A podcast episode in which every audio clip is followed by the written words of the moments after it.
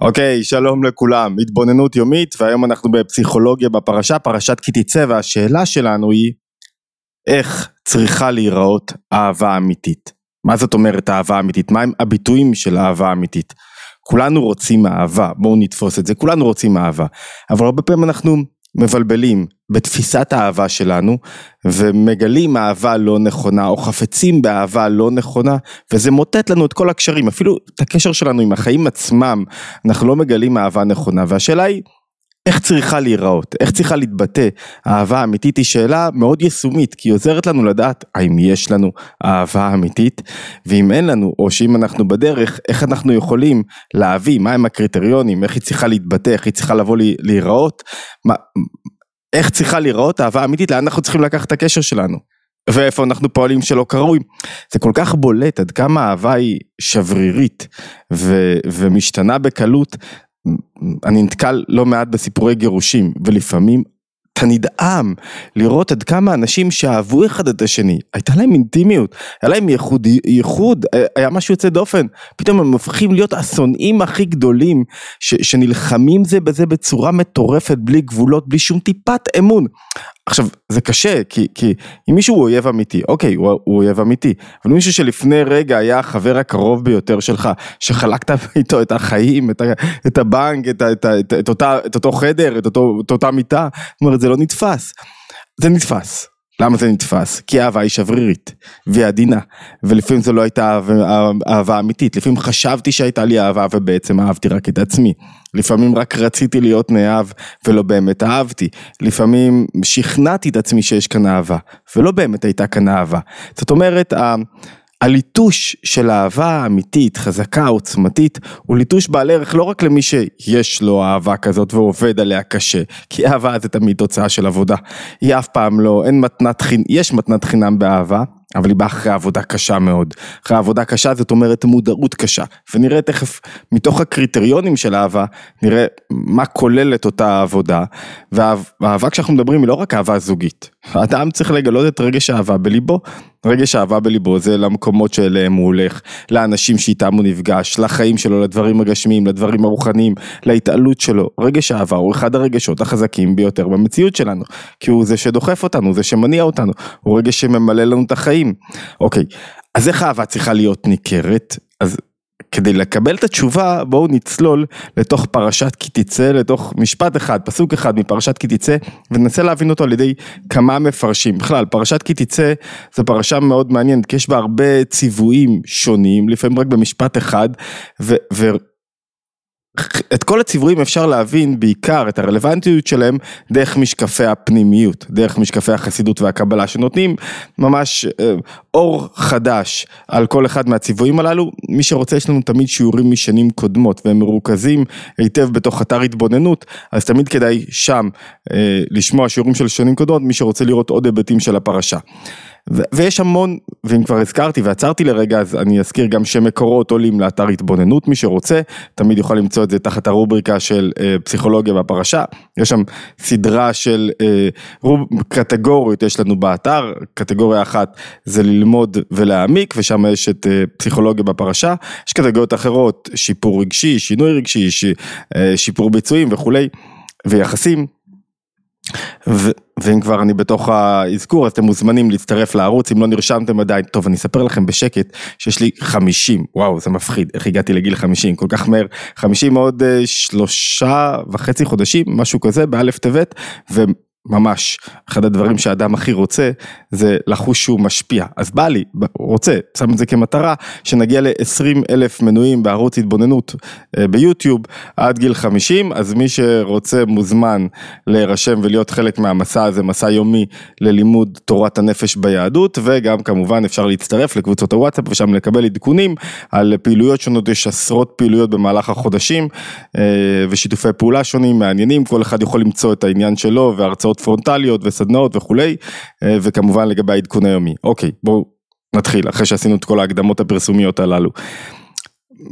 אז יש כמה מצוות שונות בפרשה, כל מיני השבת אבדה וירושה של בכור ובן צורר ומורה ובכלל שבויה, איך אתה מתייחס לשבוית מלחמה ושילוח הקן ומעקל הגג, המון מצוות, לכל אחת מהן יש פירוש פנימי מאוד מעניין, כל שנה אנחנו בוחרים מצווה אחת עם פירוש אחד בטח בפרשה הזאת ומתעסקים איתו, ויש עוד נקודה אחת מעניינת בתוך הפרשה שבני אמון ומואב אסורים להיכנס בקהל ישראל בקשרי שידוכים. ויש דיון שלם אם מדובר רק על אה, בנים או גם על בנות זכרים או גם נקבות אה, וטוב בביטוי הזה זכרים ונקבות לא כל כך אה, אה, טוב אני לא אכנס פה להערות צדדיות ויש דיון שלם מה זה אומר, אבל הפסוק אומר כך, לא יבוא, כי הרי דוד המלך הוא, הוא מרות המואביה, ומשם בא הדיון, לא יבוא אמוני ומואבי בקהל השם, גם דור עשירי לא יבוא להם בקהל השם עד עולם, על דבר אשר לא קידמו אתכם בלחם ומים. למה אנחנו כל כך כועסים על האמוני ומואבי? שהם לא קידמו אותנו בלחם ומים בזמן יציאת מצרים, סיפרו בפני עצמו, ואשר שכרו את בלעם הרשע בן באור, בלעם הארמי, לקלל את בני ישראל. וכאן נכנס עוד פסוק אחד שהוא כאילו לא שייך ושואלים עליו המפרשים מה, מה הפסוק הזה תקוע כאן? מה, מה הוא עושה כאן? ולא אהבה השם אלוקיך לא רצה השם אלוקיך לשמוע אל בלעם. בלעם בא לקלל הקדוש ברוך הוא לא רצה לשמוע אותו ואז הוא הפך לך את ה... ויהפוך השם אלוקיך לך את הקללה לברכה כי אהבך השם אוהב אותך השם אלוקיך. אוקיי, מה שואלים המפרשים? מה קשור הפסוק הזה כאן? מה, מה, מה, מה התפקיד שלו? הרי כל הרעיון כרגע זה לתת טעם לתיעוב מואב על אשר שכר את בלעם, את עם המואבי. למה צריך עכשיו להזכיר פתאום שהקדוש ברוך הוא לא היה מוכן לשמוע לזה אשר שכר לבלעם שנזכר על ידי מלך מואב לא היה מוכן לשמוע הקדוש ברוך הוא אותם. למה? מה זה קשור כאן? מה הרלוונטי? והרלוונטיות באה בא לידי ביטוי בכך שהפסוק הזה בעצם נותן טעם לכל הציוויים בפרשה. הוא אומר משהו מאוד עמוק, הוא עומד היסוד לכל הדברים, לכל, ה, לכל יכולת הצבת גבול, לכל מערכת יחסים היסוד הוא האהבה, האהבה שהקדוש ברוך הוא גילה בתוך מערכת היחסים בין עם ישראל לבין הקדוש ברוך הוא, דווקא כשבאו לקלל אותם, היא היסוד למערכת היחסים. ועל המערכת היחסים הזאת, על יסוד האהבה, אפשר להלביש כל מיני ציוויים, איסורים, גבולות. עכשיו, מתוך הפרשנויות לפסוק הזה, אפשר להבין איך האהבה הזאת צריכה להתבטא. אז בואו נתחיל. אורח חיים אומר ככה, אומר, לא אהבה, מה זאת אומרת לא אהבה? הוא לא רצה לשמוע שום דבר רע על בני ישראל. זאת אומרת, הקדוש ברוך הוא בלעם בא לקלל, ויש דברים על מה לקלל לבני ישראל. יש דברים שהם לא נהגו כמו שצריך, והוא לא היה מוכן לשמוע. זאת אומרת, לא מוכן לשמוע דברים גם אם היה בהם טעם. גם אם באמת יש במישהו שאתה אוהב, יש דברים רעים, ויש טעם שאתה יכול להזין את עצמך בטעם הזה, למה זה לא טוב, ולמה הוא רע, ולמה הוא לא פועל כמו שצריך, אתה לא מוכן לשמוע. עם ילדים זה, זה קל יותר להבין, אני לא מוכן לשמוע דברים רעים על הילדים שלי. למה? כי אין בזה שום תועלת, כי אני לא רוצה להיות במקום הזה של הורה ש, שמזין את עצמו בדברים רעים על הילדים שלי, כי אני רוצה לראות אותם בעין טובה, כי אני אוהב אותם אהבה אמיתית. ומי שאתה אוהב אהבה אמיתית אתה לא מחפש את הרע שבו. עוד פעם לתקן, לתקן, לפעול, להשתפר, נמצא במקום אחר, נמצא בדרך אחרת, יש דרכים טובות יותר מאשר שמישהו אחר יבוא ויצביע לי על הרע. זאת אומרת, אהבה אמיתית, אתה לא מחפש לשמוע דברים רעים על הבן זוג שלך, או על המציאות שלך, אתה מחפש לשמוע טוב. אתה הולך כמו אדם שרואה ואינו נראה. מה זאת אומרת? אני רואה שיש רע. סליחה, רואה ולא נותן למה שהוא רואה ביטוי, הוא כאילו לא מתייחס אליו. אני רואה שיש פה רע, ועדיין זה לא תופס אצלי מקום, אני לא רואה באמת הרע הזה, הוא קיים ולא קיים עבורי. זאת אומרת, אומר אור חיים משהו מאוד חזק, הוא אמר, לא אהבה, לא רצה לתת מקום, יש לו אהבה בלא טעם ולא שמע. ולמה? כי אני אוהב. זאת אומרת, ביטוי ראשון לאהבה זה שאתה לא מחפש את הרע בבן זוג שלך, במציאות שלך, אתה מחפש את הטוב. וגם כשעולים דברים רעים, תכף נראה את הפירוש של אדמו"ר הזקן, אתה לא, אתה, אתה לא ממרקר אותם, אתה לא מסמן אותם, אתה לא מביא אותם למרכז הבמה, אתה לא מתייחס אליהם בתשומת לב רבה. למה? לא אהבה השם אלוקיך לשמוע אל בלעם, למה הוא לא רצה לשמוע אל בלעם? כי אני אוהב את בני ישראל. מי שאני אוהב, אני לא רוצה לראות את הרע שבו, גם אם יש רע, גם אם יש נפילות. זו ביטוי אולטימטיבי לאהבה, וכשמישהו מחפש רק את הרע, זאת אומרת שחסר לו משהו באהבה. ביטוי שני, או, או, או עדות שנייה לכך שיש פה אהבה אמיתית, אומר אדמו"ר הזקן, למה? איך זה יכול להיות? מה זאת אומרת שאני לא רואה רע? בבני אדם. אולי נשתמש קצת בלשונו, אני מזכיר כל המקורות באתר, פה אני מביא מליקוטי תורה. אומר, לא אהבה השם אלוקיך לשמוע אל בלעם, להבין מהו הפלא הגדול והעצום, מה שלא אהבה לשמוע בכל איש בליעל. מה, מה, מה כל כך מדהים בזה שהוא לא היה מוכן לשמוע את בלעם. הוא אומר, מה מבטא בלעם? בלעם מבטא קטגור. תמיד יש מי שיקטרג, תמיד יש מי שיציג את הרע, תמיד יש מי שיגיד על מה איפה לא היית טוב, איפה נפלת, איפה חטאת, איפה, איפה לא האזנת כמו שצריך, תמיד יש. וזהו נקרא בחינת בלעם, יש בחינה כזאת בנפש של כל אחד, שמציג את הצדדים השליליים, שמציג את הרע ואת הלא טוב. ככה היה דרכו של בלעם, שהיה מחפש למצוא דברים שליליים בבני ישראל, ומחפש לראות איפה בני ישראל עתידים לחטוא. וזהו השבח ששיבח הכתוב, כי אף על פי שהיו לו טענות, והיו לו טענות טובות, הקדוש ברוך הוא לא היה מוכן לשמוע אותו. ולמה הוא לא היה מוכן לשמוע אותו? רגע בוא נראה איפה ההמשך שלנו. למה הוא לא היה מוכן לשמוע אותו? בגלל סיבה אחת מאוד עמוקה, שבעצם, מאיפה נובעת האהבה האמיתית?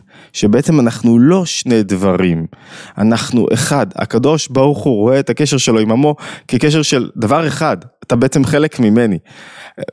לא אהבה השם אלוקיך כי הוא אלוקיך ממש, שבכל נפש מישראל יש בחינת הערה משם הקדוש ברוך הוא, זאת אומרת משם הוויה. מה אומר פה אדמו"ר הזקן? איך אתה יכול לא לראות את הרע במישהו אחר? בעצמי, אדם קרוב אצל עצמו. קשה לי לראות את הדברים השליליים אצלי, ובטח קשה לי להדגיש אותם, ובטח אני לא מביא אותם לידי ביטוי, למה? כי אני אוהב את עצמי, ומתוך האהבה שלי את עצמי, אני, אני, לפעמים אנשים נוטים ליתר ביקורתיות אודות עצמם, אבל זה גם בגלל שהם אוהבים את עצמם, זאת אומרת, זה גם בגלל איך שאני נראה ומה חושבים עליי, זה לא, זה לא שהוא באמת בודק את עכשיו את הדברים הלא טובים בו, זה תובנה עדינה. כשאני מבקר את עצמי, זה לא באמת שאני אעשה חשבון נפש אמיתי. ואני עכשיו כואב את זה שלא הייתי הכי טוב, כי אנשים לא מעריכים אותי מספיק. אבל אדם לא באמת רוצה לראות את, ה, את הכשלים שלו ואת הנגעים שלו, הוא רוצה להיראות טוב בעיני האחר. כמו שאני אוהב את עצמי בדרך כלל, ואני לא מחפש את הנגעים שלי, לפעמים יש בעיה של חוסר מודעות, אדם לא, לא שם לב, לא מספיק מודע. וכמו שאני אוהב את עצמי, כך בדיוק אני צריך מה? אני צריך לאהוב מי שאני מחובר אליו, כי הוא חלק ממני. הקדוש ברוך הוא אומר, אתם חלק ממני, שבכל נפש מישראל יש בחינה והערה, יש חלק אלוקא ממעל ממש, וזה מוסתר אצלו, ובגלל שאני יודע שזה מוסתר אצלו, והנקודה הזאת נמצאת בליבו של כל אדם, נקודה שהוא, הוא זה אני, אז אני אוהב אותו ולא מוכן לשמוע דברים שליליים עליו. זאת אומרת, הנקודה הראשונה שלנו הייתה שכשאתה אוהב מישהו אתה לא מחפש לראות אודותיו את הרע, אתה לא מחפש להדגיש את הרע ותמיד יהיה רע שיתגלה. הנקודה השנייה זה שאתה לא רואה את הרע בגלל שאתם בעצם, התפיסה שלך היא תפיסה אחדותית, ולא תפיסה של רגע מה אני מקבל ממנו, רגע אם אני באמת אוהב אותו, רגע מי הוא, זה, זה לא תפיסה שיוצרת כל פעם ניתוק והפרדה. זו תפיסה שיוצרת אחדות, שאתם בעצם דבר אחד. והאחדות הזאת, אם אנחנו עולים לדרגה שלישית, לפירוש של הרבי הרש"ב, רבי שלום דובר, אומר הפירוש בזה, מה זה לא אהבה? לא אהבה זה לא רצה. הרגשות מתחילים מהרצון. הוא אומר, יש שני סוגי רצונות בנפש. פה צריך כדאי קצת להתרכז רגע. יש רצון אחד שבא על ידי ההתבוננות, שאדם יש לו, זה רצון שיש לו טעם ודעת, יש לו שכל. זאת אומרת, אתה רוצה משהו בגלל שאתה מבין למה אתה רוצה בו. אתה מתבונן בדבר, ואז יש לך רצון כלפי הדבר, או שיש לך היעדר רצון בדבר אחר. הוא אומר כך, הרצון האחד נקרא הרצון השני נקרא רצון תחתון, זה רצון פנימי, אנחנו לא מדברים פה ברצון חיצוני, מדברים על רצון פנימי שנלקח באדם מצד השכל והטעם שיש לו. למה אני רוצה בדבר הזה? אני מבין למה אני רוצה בדבר הזה, ואז אני מבין למה הוא חשוב לי, ואז גם מתעורר לי תענוג, או שנמשך התענוג מדבר אחר. זאת אומרת, למשל, הוא נותן דוגמה, אם יש לי, אה, אני נמשך למשהו מסוים, ואני מבין שהוא לא טוב לי, ויש לי טעם ודעת בדבר ההופכי, פתאום אני אסתלק לי לאט לאט התענוג באותו דבר שאני נמשך אליו. הרצון התחתון הוא כזה שבאמצעות השכל שלי, וההתבוננות שלי, והטעם וההסברים, אני יכול לשנות את התענוג שלי ממקום אחד לאחר. אחת הדרכים בעצם להיגמל מתענוג לדברים שליליים זה למצוא תענוג בדברים חיוביים. איך אתה מוצא תענוג בדברים חיוביים? אתה מפעיל את הטעם ודעת. אתה בוחן מה יוצר לי פה תענוג ואתה משכנע את עצמך. שכנוע אמיתי, זאת אומרת באמת מוצא טיעונים אמיתיים ומתחבר לדבר הזה ופתאום הופ אתה מוצא את עצמך נמשך. והוא אומר יש רצון אחר שהוא רצון למעלה מן הטעם. היינו שרצון זה אינו נלקח באדם מצד השכל וההתבוננות. רק מצד עצם הנפש, שיש לו הטייה והמשכה לזה. זאת אומרת, יש רצון אחר, שהוא גבוה יותר, שפעם היה בו טעם, פעם הבנתי למה רציתי, ועכשיו נגמר בו הטעם. זאת אומרת, רק מפני שגמרתי בדעתי, שזה הדבר שאני רוצה, שהוא דבר שראוי לרצותו. ואחר כך נשכח הטעם, כך בלשונו של הרבי הרש"ב, נשכח הטעם והשכל לאותו הרצון, ולא נשאר רק ההסכם בלבד. זאת אומרת הסכמת הרצון שאת זה אני רוצה. למה? לא זוכר כבר את הטיעונים, לא בטוח שהטיעונים עדיין תקפים. זאת אומרת, יש שני סוגי רצון, יש רצון שעל פי טעם והתבוננות, והמידות הולכות אחרי טעם והתבוננות, הרגשות שלי הולכים אחרי טעם והתבוננות, ויש רצון שהוא לא על פי טעם והתבוננות, שהוא, יש איזה הסכמה. נוצרה איזה הסכמה בנפש, זאת אומרת פעם היה טעם והתבוננות ועכשיו נשאר רק את זה מה שאני רוצה. ולהסכמה הזאת קוראים בשפת הקבלה, מי שממש מתעניין, מצח, מצחה, מצחה. למה מצח? כי הוא אומר שהמצח זה משהו שלמעלה, הוא חופה על הטעם ודעת על השכל, הוא למעלה מהשכל, זה החיצוניות של השכל. למה אני רוצה את זה? כי אני רוצה את זה, לא יודע כבר להסביר לך למה, זה מה שאני רוצה וזהו. והמקום שזה מה שאני רוצה וזהו, יש לו גם רגשות שמתעוררים, גם אהבה שמתעוררת, אבל האהבה הזאת היא הרבה יותר עמוקה. זאת אומרת, אהבה ורגשות שמתעוררים בעקבות רצון שהוא רצון שכלי אמרנו, שנובע מהשכל, שיש לו טעם והסבר, אני יודע להסביר, כאילו כשמישהו רוצה משהו ולא יודע להסביר מה הוא רוצה זה מבאס קצת, רגע למה אתה רוצה, תסביר נו, תסביר, ו- ואולי אני גם אדבק באותם ארגומנטים, באותם טיעונים שאתה מונה, ואולי אני גם אתפתה לכך, אז זה רצון שמוליד רגשות, ויש רצון בלי טעם. פעם אולי היה לו טעם, כרגע הוא בלי טעם, שבא מעצם הנפש. זהו, זה, זה, זה מה שאני רוצה, זה מקור החיות שלי. זה, זה, זה מצד עצם הנפש שיש לו הטיה והמשכה לזה. זהו, זה מה שאני רוצה, תעזבו אותי במנוחה. עכשיו, הרצון הזה, למה הרצון כל כך חשוב? כי הרצון הרי הוא זה שמוליך את כל כוחות הנפש. הרצון הזה שבו אנחנו מדברים, מה מיוחד בו כל כך? מה שמיוחד בו כל כך זה שהמידות, הרגשות שהוא מעורר, הם בלי גבול. מה זאת אומרת הם בלי גבול? בגלל שהם לא מוגבלים באור השכל, הרצון הראשון הוא מעורר לי רגשות אבל מוגבלים. לפי השכל, ככה רגשות. כמה שאני מתבונן, ככה העולם הרגשי שלי. מתבונן בטוב של הדברים, ובכמה זה בריא לי ובכמה זה נכון לי, התעורר לי רגש, אבל מוגבל. אני מתעורר מתבונן בכמה הזוגיות הזאת חשובה לי, וכמה חשוב לי לבנות בית, וכמה אני לא רוצה את ההפך. מתעורר ברגש חיובי, אבל מוגבל. רצון הסכמי, או רצון שבא מהמצח אמרנו לו, הוא בלתי מוגבל. למה? כי הרצון עצמו הוא בלתי מוגבל. כך בלשונו של הרבי הרש"ב, שהמידות שעל פי הטעם נקראות טורא דנאורה. ערים של אור, מפני שהן בבחינת גילוי, זה משהו שמתגלה. והיינו שבבחינת אור וכלי, זה יש פה אור וכלי, אתה, אתה, השכל הוא האור, והרגשות הם הכלי לשכל. להיות שבא על ידי טעם ושכל, הרי זה, זה שיש לי הכל בעל פי שכל, מגביל את המידות, שהן בערך הכלים. זאת אומרת, הרגשות הם מוגבלים. לעומת זאת, מידות שברצון, שדיברנו מקודם, הרצון הראשון, שהוא רצון הסכמי, הם לא בערך הכלי, ואינם בחינת גילוי, כאילו זה משהו עמוק ופנימי שנמצא בתוכי, והוא מתפרץ באיזושהי תנועה כשאני מגלה את האהבה, אבל זה נמצא בתוך תוכי ולכן הם נקראים טורא דחשוכה, ערים של חושך, כי זה רגשות שנמצאים בי, אבל הם, הם לא פעילים ביום יום, כי אין להם טעם, אבל ברגע שאני עומד בפני איזה ניסיון, או בפני איזה התמודדות, או מישהו יעז להגיד משהו על הבן שלי, או על אשתי, או על הבית שלי, פתאום הם יוצאים החוצה, ופתאום אני מגלה כמה אני אוהב. וזהו הרצון העליון, רצון הסכמי, והוא מגלה רגשות שהם חזקים יותר לאין ארוך מהרגשות של האהבה הנמוכים יותר. עכשיו את הרצון הזה הקדוש ברוך הוא מגלה כשהוא שומע את בלעם, בא בלעם, מנסה לקלל בני ישראל, הקדוש ברוך הוא אומר מה? מה? נכון, אני יודע שהם לא, אני יכול לבקר את הילד שלי, אני יכול להגיד עליי דברים קשים, אני יכול לשים לו גבולות, אני יכול להעניש אותו, אבל אתה, איך שהוא מתחיל לדבר, ומה הוא מעורר? הוא מעורר את הקדוש ברוך אצל הקדוש ברוך הוא את הרצון, את האהבה, רצון מגלה אהבה הגדולה ביותר לעמו. הרצון הזה נמצא אצל כל אחד. ככל שנדע להביא אותו לידי ביטוי, יש לך בעצם מנוע פנימי עוצמתי, לך ולך, לנו. מנוע פנימי עוצמתי, נסתר, שיודע לגלות רגשות מטורפים.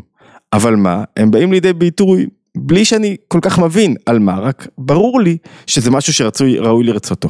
אז צריך לדעת שיש לנו שני רצונות, והביטוי כאן הוא לרצון הראשון העליון, שהוא רצון עמוק יותר ופנימי יותר, כי כבר הוא לא צריך את הדע, טעם ודעת. כי הרי טעם ודעת זה דבר נהדר, שלא תבינו לא נכון, אבל הם מגבילים לי את הרצון. זאת אומרת, טוב, עכשיו אני לא, לא בדיוק בטוח שזה משתלם לי אז אני לא אעשה את זה. רוב הדברים שאתה מתחיל לעשות ואתה דוחף מתוך אהבה, גם אם לא משתלם, בסוף אתה תראה שזה משתלם. למה? כי זה מתוך רצון הסכמי, שפותח לך דלתות, רצון שבזה אני רוצה, ולא משנה לי כרגע אם אני מרוויח בזה או מרוויח או מפסיד בזה, זה העניין. אוקיי, היינו בנקודה השלישית שמציע הרבי הרש"ב, לגלות הרי כל רגש יש מאחוריו רצון, לגלות מה הרצון שמניע את הרגש הזה שבו מדובר, זו הנקודה שלנו. נקודה אה, שלישית, רביעית, אומר ככה, אומר באר מים חיים, אה, הרב רבי חיים מצ'רנוביץ', אומר ככה, אומר, ויהפוך השם אלוקיך לך את הקללה לברכה, זאת אומרת, יש מצב שאתה חווה בתוך האהבה קשיים, התמודדויות, דברים לא פשוטים. אם אתה יודע להפוך כל קושי, כל מה שנראה כקללה לברכה, זו אהבה אמיתית שם. זה חיבור אמיתי. כתוב בזוהר לט שמאלה באי עתיקה, אין צד שמאל בדרגות גבוהות של קשר, של תענוג, של חיבור, אין צד שמאל, אין שמאל הכוונה של אין שמאל, אין קללות, אין דברים שליליים, זוג טוב יודע מתוך הקושי, זוג שיש בו חיבור אמיתי, כמו אדם עם עצמו, כמו אדם עם החיים, מתוך הקושי לגלות את הצמיחה שלו, לגלות את החיבור החזק יותר, לגלות שבעצם אין באמת קללות בקשר, אין קללה במציאות, אין קללה במציאות, גם אם יש קושי זה ילד משהו הרבה יותר פנימי, אהבה חזקה יותר, אהבה אמיתית לחיים מגלה את המתיקות שבחיים, בכל דבר, גם במה שנראה. הכי טוב שיש, וגם במה שנראה כפחות טוב, ורוב האנשים דווקא סובלים מקשיים, טרדות, התמודדויות, דווקא לא כשזה משהו חיצוני, קשה, איזה משבר תוקף אותם, דווקא בחיים השגרתיים הטובים לכאורה. אוקיי, דיברנו על זה כמה פעמים, כי הרגשות דווקא הם הטובים, מתגברים כשיש איום חיצוני, כשאין איום חיצוני, דווקא אז אז הרגשות הטובים, מותר לי עכשיו להתכנס בתוך איזה דיכאון או בתוך איזה חרדה, אני לא צריך לאסוף את עצמי ואני לא צריך ללמוד לעבוד עכשיו על הרגשות שלי. אוקיי, עוד כמה היבטים שעוזרים לנו להבין מהי אהבה אמיתית. אהבה אמיתית יש בה כוונה מאחוריה. מה זאת אומרת יש בה כוונה? היא, היא לא על הדרך. היא לא על הדרך במובן של אני רוצה לאהוב. ויהפוך השם אלוקיך לך את הקללה לברכה. מסביר דגל מחנה אפרים, לך מיותר, הנה תיבת לך מיותר, מה זאת אומרת יהפוך השם אלוקיך לך את הקללה לברכה. ואז הוא אומר, ידוע כל המברך מתברך, כל מי שמברך הוא בעצמו מתברך. ואפשר היה לטעון שבגלל שבלעם מקלל והברכות שלו נעשות, הקללות שלו נעשות לברכות, אז גם הוא היה צריך להיות בגדר מברך שמתברך, אבל הוא לא התברך. הוא, פנחס הורג אותו בגיל 33 אם אני לא טועה, נכון? למה הדקדוק פה? כי לכוונה יש ערך, לא רק התוצאה חשובה, התוצאה חשובה, איך אתה מביא אותה לידי ביטוי, אבל הכוונה של אני רוצה להביא, להביא פה אהבה, אני רוצה להביא פה ברכות, אני רוצה לגלות משהו חיובי, היא חשובה, אהבה אמיתית יש בה כוונה מאחוריה. עוד שתיים או שלוש נקודות בואו ניקח, אמ, ליקוטי מאורן, אומר איזה משהו שהוא כאילו מעיף אותנו למקום אחר, הוא אומר ככה, ידוע שהקדוש ברוך הוא מתאבל לתפילתם של צדיקים. מה הוא רוצה? מה זאת אומרת מתאבל לתפילתם של צדיקים? חלק מהמשכת הבורא לתוך המציאות זה שהאדם מתפלל אליו ויוצר קשר. הכל סביב אינטראקציה, בעסקים הכל סביב אינטראקציה, בקשר עם הבורא הכל סביב אינטראקציה. ואז הוא אומר יש כאלה, ו, ו, רגע, הוא מוסיף שצריך ללכת אל הצדיקים כדי שיעזרו לנו להיות, יהיו מרכבה לתפילות שלנו. אומרת, יש כאלה בעלי גאווה, שאין הולכים לצדיקים, אומרים מה אני צריך להתפלל עכשיו, לא הולכים לצדיקים לבקש שיתפללו עליהם, וגם לא מניחים לשאר בני אדם שיתפללו עליהם, והם אלו בעלי גאווה, זאת אומרת אתה לא רוצה להיאחז באף אדם אחר, אתה אתה לעצמך, סומך רק על עצמך, הוא אומר יש בזה מידת של רצון שהוא לא נכון, מה, מה מתבטא פה? לא אהבה, השם אלוקיך, השם אלוקיך לא רצה לשמוע את מי שהוא בעל גאווה. הוא רוצה לשמוע את מי שבאמת אתה הולך אליו ומבקש להתפלל. זאת אומרת הנקודה פה שבאהבה אם אנחנו ככה מכנסים את הנקודה, הנקודה היא שבאהבה אין גאווה. אהבה אמיתית, אתה מתגבר על האגו שלך. אהבה אמיתית, אתה פונה, עושה מה שצריך כדי שהאגו לא יהיה במרכז התמונה. אתה יכול לבקש מהבן זוג שלך הכל, להיות חלק ממשהו, אתה מזיז את עצמך הצידה, ובני זוג שמצליחים להתגבר מהר על מכשולים, על מכשולים, על דיבורים לא טובים, על מריבות, על בעיות, על קשיים, זה בני זוג שהתגברו על אגו. פשוט. לא התגברת על אגו, לא תצליח ליצור קשר מהר חזרה ולהתגבר על ה... על ה... על ה... מה זה אגו? הישות שלי, איך היא אמרה לי, איך היא דיברה אליי, איך, איך התנהגו אליי. אם אני לא מצליח להתגבר על התנועה הזאת של וואו, איך היא עשתה לי, אני לא אצליח לגלות את האהבה שלי, אהבה אמיתית. אהבה אמיתית יש בה התגברות על גאווה, ולכן גם חיבור אמיתי. ועוד אולי נקודה אחת אחרונה של מי השילוח שהוא אומר, משה רבנו והקדוש ברוך הוא אומר המדרש, עשו הסכם. אמר לו השם יתברך, שישוב, כשאני אהיה בכעס, כשאני אכעס על בני ישראל כי הם לא יתנהגו כמו שצריך, אתה מרצה אותי. וכשאתה תהיה בכעס, אני אהיה מרצה אותך. ואז הקדוש ברוך הוא מראה למשה את האהבה שלו שהיא לא פוסקת אפילו לרגע. איך הוא מראה לו את זה? על ידי הפסוק הזה, לא אהבה השם אלוקיך לשמוע על בלעם, והופך את הקללה לברכה, בגלל שהוא אוהב אותך. ואז הוא, הוא מסביר שהפסוק הזה הוא הפסוק בעצם הוא הפסוק הזה, הוא הפסוק התשעה והארבעים, הארבעים ותשע בפרשת תצא. פרשת תצא היא הפרשה הארבעים ותשע בתורה, וזה רומז על זיקוק, מה זה ארבעים ותשע? שבע שבועות, שהם שבע שבועות של ספירת העומר, שבע כפול שבע, זיקוק שבע שבועות זה בעצם שבע, זה שבע המידות שבאדם שהוא צריך לתקן אותם, שבע כפול שבע, כל מידה מתקללת באחרת, מי שלא מכיר זה אולי סינית, מי שמכיר יודע היטב על מה מדובר, הכוונה היא שלאדם יש 49 גוונים של רגשות בתוכו, שהוא צריך לעבוד עליהם, לזקק אותם, זה כמו חלק עבודת מספירת העומר, העבודה הזאת נמצאת גם בתוך התהליך של קריאת הפרשות, והנה בפסוק הזה הגענו לשיא. זה הפסוק שמגלה את האהבה הגדולה, כי הוא הפסוק ה-49 בתוך הפרשה ה-49, לא, לא בדקתי, אני סומך על מי השילוח, שהוא תכלית הזיקוק שנתגלה כל התורה היא אהבת ישראל, ואף מה שנראה לפעמים היפוך גם הוא אהבה. אהבה רבה, אהבה שאינה פוסקת לרגע, זאת אומרת, אהבה אמיתית גם אם יש מכשולים, גם אם יש קשיים, גם אם יש דרך, ירידות ועליות, ויש ירידות ועליות, היא אהבה שלא פוסקת, היא תמידית, היא לא זמנית, והיא נובעת, אם אנחנו חוזרים לאחת הסיבות הראשונות, נובעת מתוך הסכמיות של האהבה. אם אני אוהב, עם זה נסכם, אם אני אוהב את בן הזוג שלי, בגלל שבחרת, בגלל שהוא טוב לי, בגלל הרבה תועלות שאני מפיק ממנו, חסרה פה ההסכמה שזה בן הזוג שלי ואותו אני רוצה ללמוד לאהוב ופה אנחנו רוצים לעבוד יחד. ולכן אחד הדברים החשובים ביותר בתול, בתוך כל מערכת זוגית זה לקבל החלטה כזאת.